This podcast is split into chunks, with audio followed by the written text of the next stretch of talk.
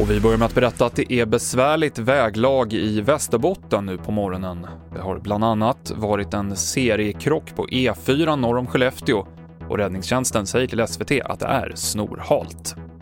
I Malmö inleds idag konferensen om Förintelsen där bland andra överlevare och statsminister Stefan Löfven deltar. Säkerhetspådraget beskrivs som det största i Malmös historia, berättar TV4s reporter Mikael Nilsson. Omkring 2200 poliser har hit kommenderats från hela landet. Även militären deltar i insatsen.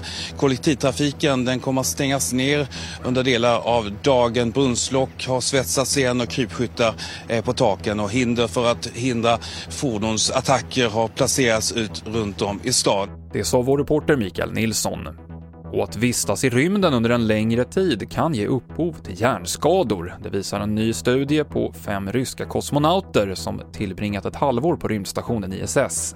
Forskarna tog blodprover före rymdfärden och efter återkomsten och man kunde se att flera ämnen i kroppen som indikerar en hjärnskada var förhöjda efteråt.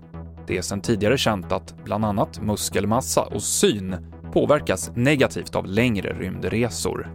Senaste nytt hittar du i appen TV4 Nyheterna. I studion Mikael Klintevall.